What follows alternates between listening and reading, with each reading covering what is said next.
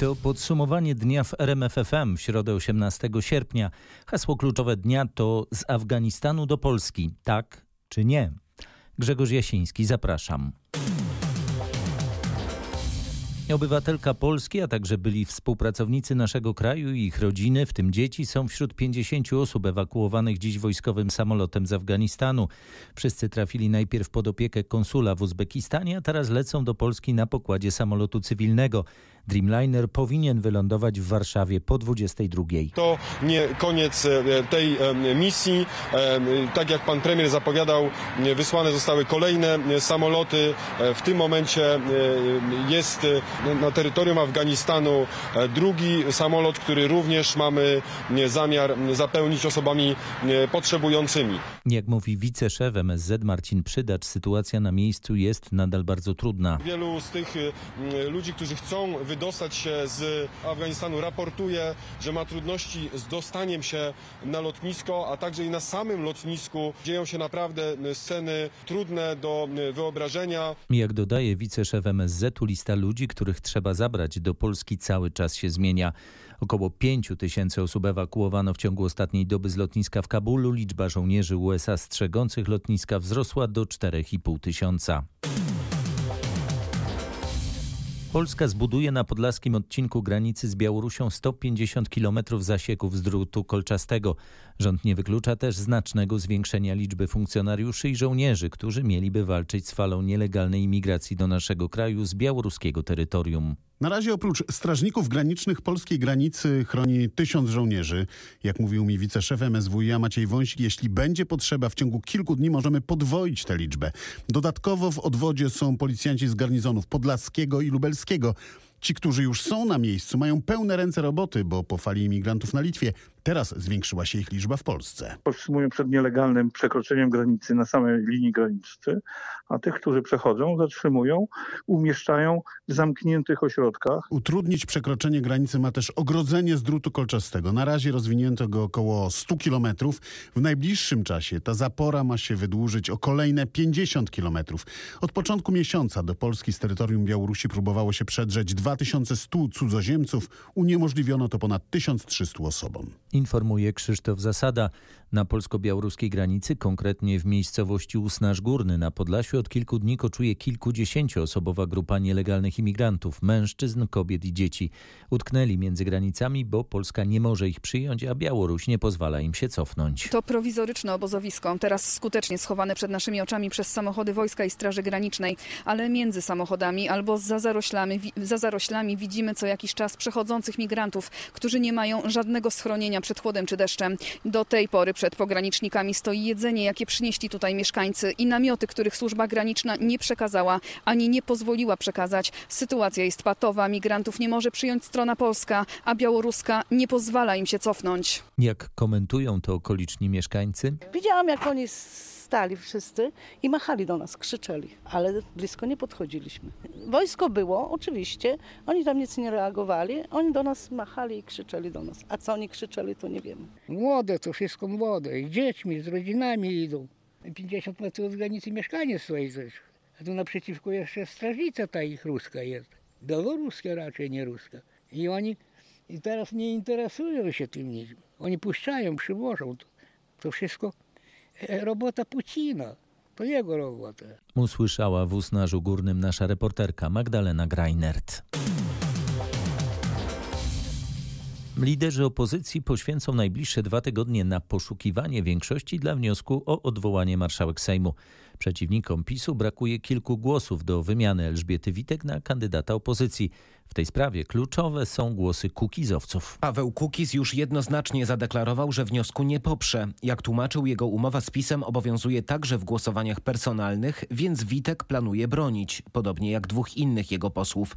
Z koła Kukiza opozycja może liczyć na jeden głos Stanisława Tyszki, a to za mało, by mieć większość. Między innymi także dlatego liderzy na razie nie rozmawiają o personaliach deklarował w rozmowie w samo południe w prezes PSL-u Władysław Kosiniak-Kamysz. Nie było dyskusji o nazwiskach, bo jeżeli nie będzie porozumienia w sprawie tego, jak ma wyglądać e, Izba pod przywództwem nowego marszałka, to nie ma sensu wybierać żadnej osoby i nikt się nie da w, w to wkręcić w takie wybieranie. Lider ludowców jest wskazywany jako jeden z faworytów na giełdzie nazwisk. Jeśli opozycja nie znajdzie większości, złoży wniosek jako symboliczny lub poczeka na rozłam w klubie PiSu. Informował nasz reporter Roch Kowalski.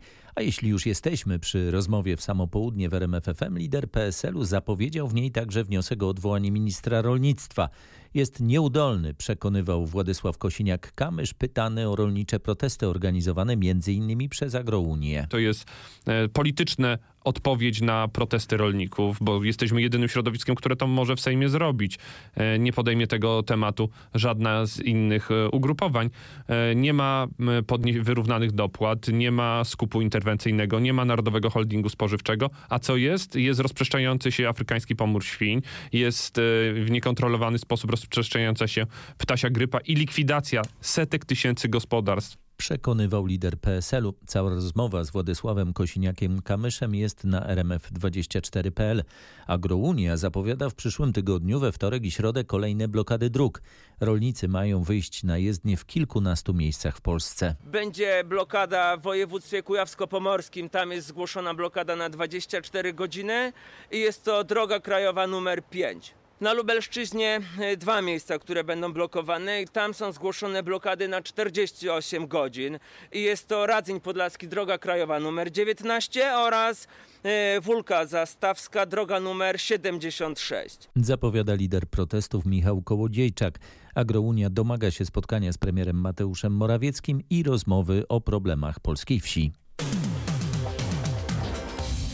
208 nowych zakażeń koronawirusem i jedna ofiara śmiertelna COVID-19. Takie są najnowsze dane z raportu Ministerstwa Zdrowia. W porównaniu z danymi z ubiegłej środy o 10 osób wzrosła liczba zakażeń, o 3 spadła liczba zgonów. Już prawie połowa mieszkańców Małopolski została w pełni zaszczepiona przeciwko koronawirusowi. Kraków zaraz po Warszawie jest drugim miastem w Polsce z największą liczbą szczepień wśród miast wojewódzkich. Zaszczepionych jest 61% mieszkańców. Jednocześnie gminy Czarny i Biały Dunajec na Podhalu to gminy z najniższym w kraju odsetkiem zaszczepionych to niecałe 20%. Kraków jest w tej chwili, można powiedzieć, w czołówce, jeśli chodzi o miasta pod względem wyszczepialności, bo to jest ponad 61%. No najgorzej była, y, wyglądała sytuacja na Podhalu. Rzeczywiście mamy takie gminy. Niemniej jednak to powoli poprawia się poprzez y, właśnie akcje prowadzone głównie przy parafiach mówił wicewojewoda Małopolski Józef Leśniak. Ale to nie jedyne takie akcje. Dwa ostatnie weekendy wakacji w Krakowie pod znakiem szczepień przeciwko COVID-19. Władze miasta zachęcają rodziców, by jeszcze przed rozpoczęciem roku szkolnego zaszczepić swoje dzieci. Chcielibyśmy, aby dzieci, które rozpoczną rok szkolny, były po prostu bezpieczne w tej szkole. Wiemy też, że dzieci już wracają z wakacji. Rodzice, mam nadzieję, będą bardziej skłonni do tego, aby podjąć decyzję o zaszczepieniu dzieci. Stąd też chcemy dać taką możliwość, czyli w naszych mobilnych punktach w każdy weekend, ten najbliższy oraz 28-29 sierpnia, dać możliwość rodzicom zaszczepienia swoich pociech. Zaszczepić będą się mogli wszyscy chętni, podkreśla Elżbieta Kojs-Żurek, dyrektor Wydziału Spraw Społecznych Urzędu Miasta Krakowa. W ten weekend mobilne punkty szczepień będzie można znaleźć w Nowochódzkim Centrum Kultury, hali Stulecia Krakowi, a także w Parku Jordana. Około 50 osób w ciągu godziny skorzystało z możliwości zaszczepienia się przeciw COVID-19 przed meczem w Łodzi. Mobilny punkt szczepień stanął dziś przy stadionie ŁKS-u przy Alei Unii. Pana co skłoniło, żeby właśnie dzisiaj się tutaj pojawić? ŁKS. Jestem kibicem piłkarskim. Przyjemny, pożyteczny. Pan specjalnie przyjechał tutaj, żeby tak, się zaszczepić? Brzezin. Wy zobaczcie jak tutaj jest. Jak nie będzie za dużo ludzi, to się zdecyduje. Chodziło głównie o zaszczepienie. Bo ja jestem po covid trzy miesiące akurat dzisiaj dokładnie mija od opuszczenia szpitala, więc zdecydowałem się, przyjechałem. 10 minut i jestem po. Usłyszała przed łódzkim stadionem nasza reporterka Agnieszka Wyderka. A skoro o piłce nożnej mowa, 92 do 23. Takim wynikiem zakończyło się głosowanie na nowego prezesa Polskiego Związku Piłki Nożnej. Cezary Kulesza pokonał Marka Koźmińskiego.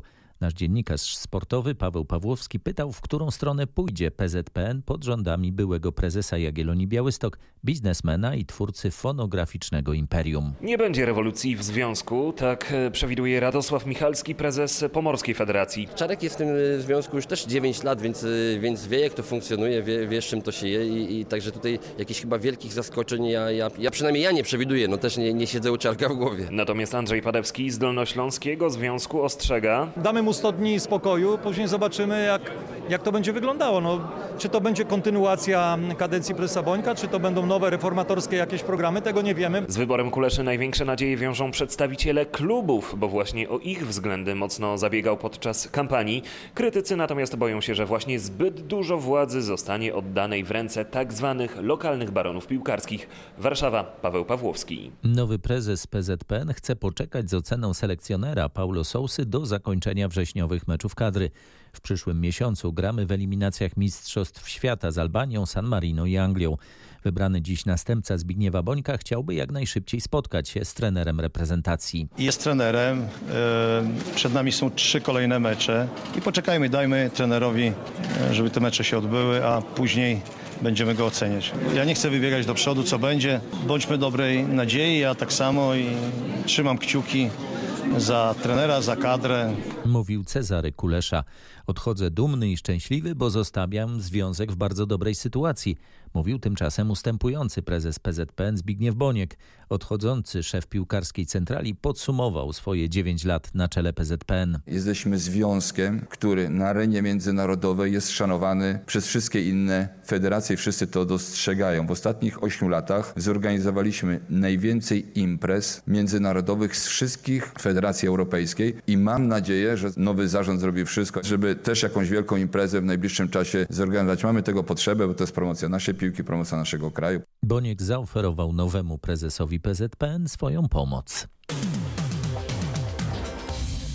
Ratownicy medyczni z Gorzowa Wielkopolskiego nie wycofują wypowiedzeń złożonych na biurku swego szefa.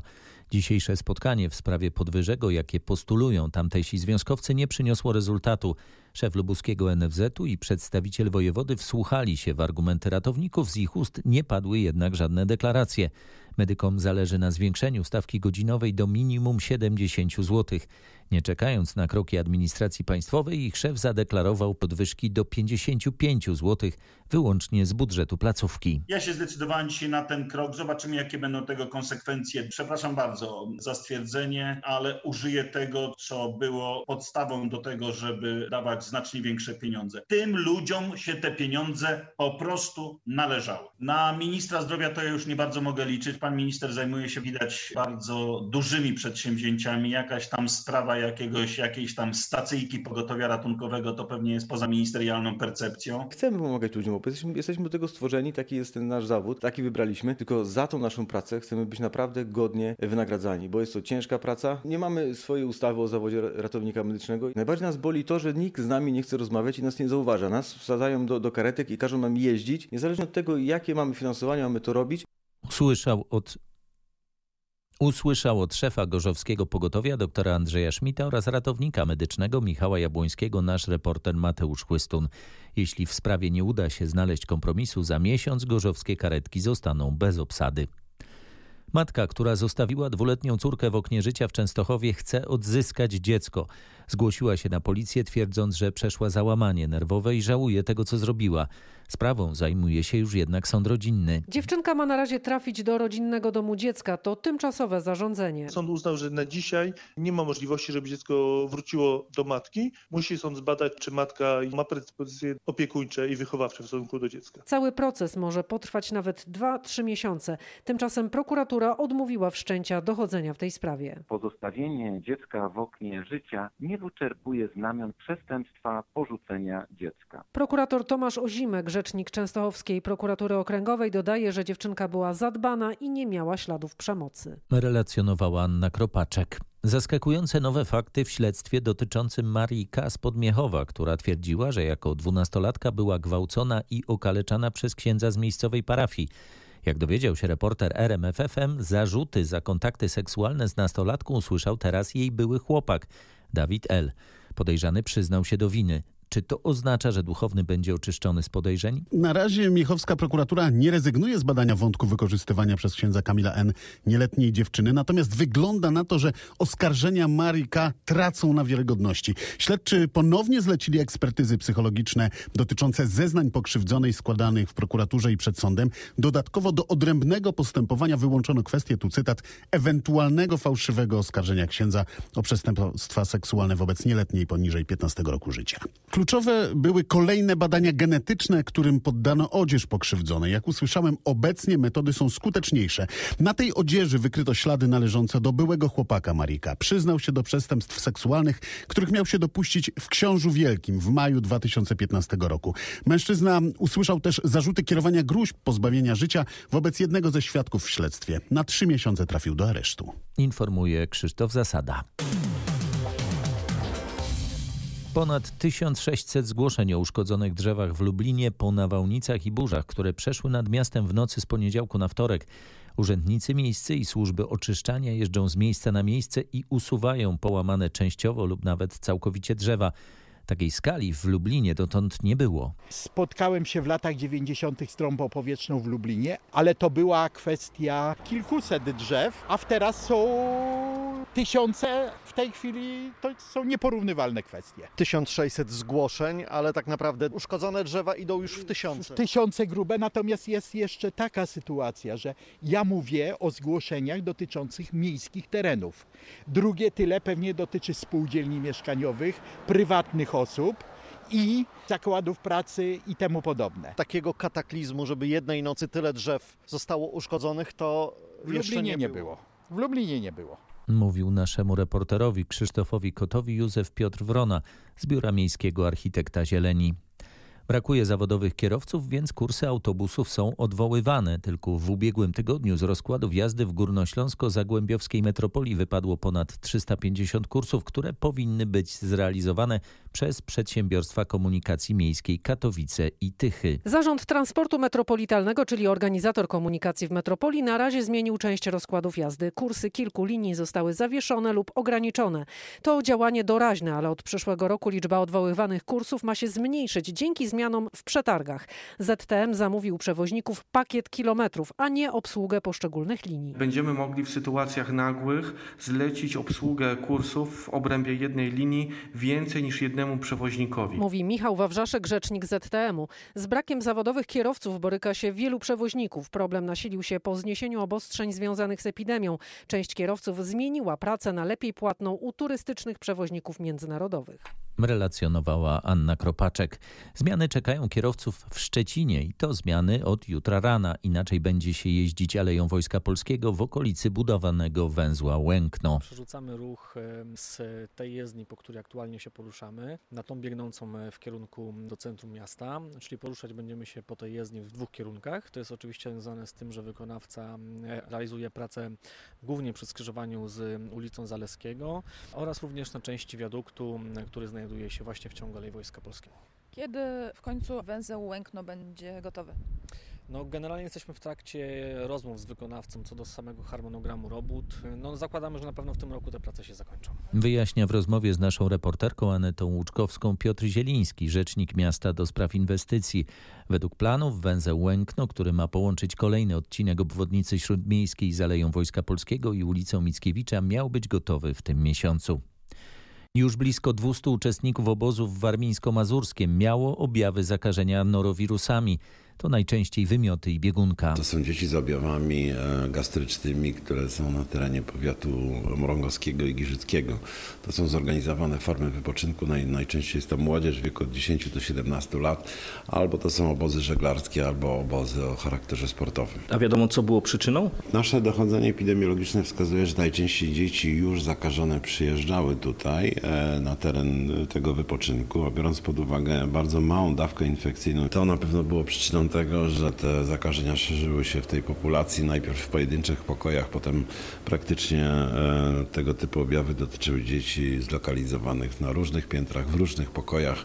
Z szefem warmińsko-mazurskiego sanepidu Januszem Dzisko rozmawiał nasz reporter Piotr Bułakowski. Polskie samorządy powinny zacząć zmieniać swoją strategię rozwoju w związku ze zmianami klimatycznymi, twierdzą eksperci. Klimat się zmienia i zacznie nam coraz bardziej zagrażać. Polskie miasta mogą być zalewane. To nie są już tylko akademickie dywagacje, to się zaczyna dziać mówi profesor Tymon Zieliński z Instytutu Oceanologii Polskiej Akademii Nauk. Poziom wody w Bałtyku będzie rósł, a co za tym idzie, no grożą nam podtopienia, zalania. Są różne modelowe symulacje, które pokazują jak szybko i w jakim stopniu nas zaleje. W 2050 roku Gdańsk może być silnie zagrożony i tu w duża, dużej mierze zależy to od nas. No my musimy robić wszystko, żeby osłabiać skutki zmiany klimatu. Przygotowanie się od strony inżynierskiej do, do ochrony takiego trójmiasta, no to jest nasz obowiązek w dzisiejszych czasach. To jeden z tematów poruszanych podczas czwartej edycji BNP Paribas Green Film Festival. Impreza w Krakowie potrwa do najbliższego weekendu. Większość niezwykłych dokumentów i filmów można oglądać na platformie streamingowej. Rekordowo dużo w porównaniu do ostatnich miesięcy psów i kotów czeka na adopcję w schroniskach dla bezdomnych zwierząt. Pracownicy tych placówek tłumaczą to końcem tak zwanego efektu pandemii. Gdy więcej czasu spędzaliśmy w domu, więcej osób było zainteresowanych adopcją. Ile psów, ile kotów teraz czeka na adopcję? Psów 63, kotów ponad 70. Już zeszliśmy z liczby 80, ale to na dniach. Można przyjechać do państwa, do schroniska i tutaj zobaczyć psy, wybrać się na spacer. Czy jest tutaj reżim sanitarny? Zobaczyć psa zawsze, zawsze można. Tylko wypełniam jeszcze taką małą ankietę tutaj przed y, zobaczeniem. Tłumaczy Michał Gruszczyński ze schroniska dla zwierząt w Dyminach pod Kielcami. Rozmawiał z nim nasz reporter Michał Dobrołowicz. Pyszna galicyjska kuchnia, koncerty i nietypowe atrakcje w muzeum czekają tych, którzy wybiorą się do Krosna na karpackie klimaty. W piątek o 21 nocne zwiedzanie świątyń z naszymi przewodnikami. O 21 już ciemno, będą e, pochodnie, e, będzie klimat. A sobota i niedziela to oczywiście święto chleba tradycyjne, czyli konkurs na ulubiony chleb krośnian i zakątek rzemieślniczy przy Muzeum Rzemiosła. Zapraszała Magdalena Czelna z Muzeum Rzemiosła w Krośnie. Atrakcje potrwają do niedzieli. Przy okazji trwającego w Zakopanem Międzynarodowego Festiwalu Folkloru Ziem Górskich można dowiedzieć się wielu ciekawostek na temat zwyczajów rzemiosła czy kuchni górali. Dzisiaj Zofia Frączysta uczyła, co można zrobić z młycka, czyli mleka. No z mleka można zrobić serek, czyli twaróg no z kwaśnego, a ze słodkiego robimy bunc. Jak jest mlecko, to jest śmietanka. Ze śmietanki robimy masełko, bardzo pyszne. Jak jest ser i masełko, to już dołożymy jeszcze mąki i drożdży i będzie kołocyk. A można zrobić bez drożdży, różne klosecki, leniwe robimy, robimy ruskich pierogów. Łagodne, dobre jedzenie, lekkie, smaczne i pożywne.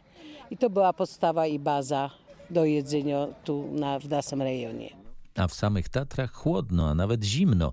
Na Kasprowym Wierchu niecały stopień powyżej zera, co mówią turyści. No upału nie było, ale widoki bardzo ładne. Ale widoki pierwsza klasa. Ale Dwa nie, stopnie. Jak się ale maszeruje, to nieodczuwalne. Tak, trzeba chodzić, trzeba cały Czyli czas fala upałów dotarła w Tatry. Można, Można powiedzieć. ta, tak powiedzieć. Ale śniegu nie było widać jeszcze? Nie, Nie, jeszcze nie. nie. Jeszcze nie. Ale przyjedziemy za dwa tygodnie, może będzie. Czekamy na śnieg. zimno. Czyli jak się trzeba ubrać, żeby tam wytrzymać? Bardzo ciepło. To znaczy się, można powiedzieć tak, trzeba się ubrać ciepło, ale aż też nie za ciepło. Trzeba mieć po prostu przy sobie jakąś bluzę. Usłyszał od optymistycznie nastawionych turystów nasz reporter Maciej Pałachicki. Już niedługo góry na Dolnym Śląsku będą bardziej dostępne dla osób niepełnosprawnych. Fundacja Ładne Historie ma propozycje tras, które niepełnosprawni będą mogli pokonywać nie tylko podczas zorganizowanych wycieczek, ale także na własną rękę z opiekunami. Wolontariusze przygotowują teraz mapy oraz zestaw niezbędnych informacji. W tych materiałach znajdą się informacje o rodzaju podłoża, o y, nachyleniu, o tym, czy po drodze są jakieś na przykład możliwe przystanki, wiaty, pod którymi można odpocząć, na przykład y, przewinąć dziecko, czy nakarmić je, y, ale także czy na przykład jest tam możliwe gdzieś zorganizowanie pikniku, skorzystanie ze schroniska, z toalety. To są wszystko naprawdę niezwykle ważne informacje bez których mm, rodziny dotknięte niepełnosprawnością nie chcą się wybrać w góry, dlatego że jest to dla nich niekomfortowe. Mówi Anna Gerus z Fundacji Ładne Historie. Trasy przyjazne niepełnosprawnym wiodą przez góry Suche, Bystrzyckie i Stołowe. Tyle na dziś. Kolejne podsumowanie dnia w RMFFM już jutro wieczorem. Grzegorz Jasiński, dziękuję. Dobranoc.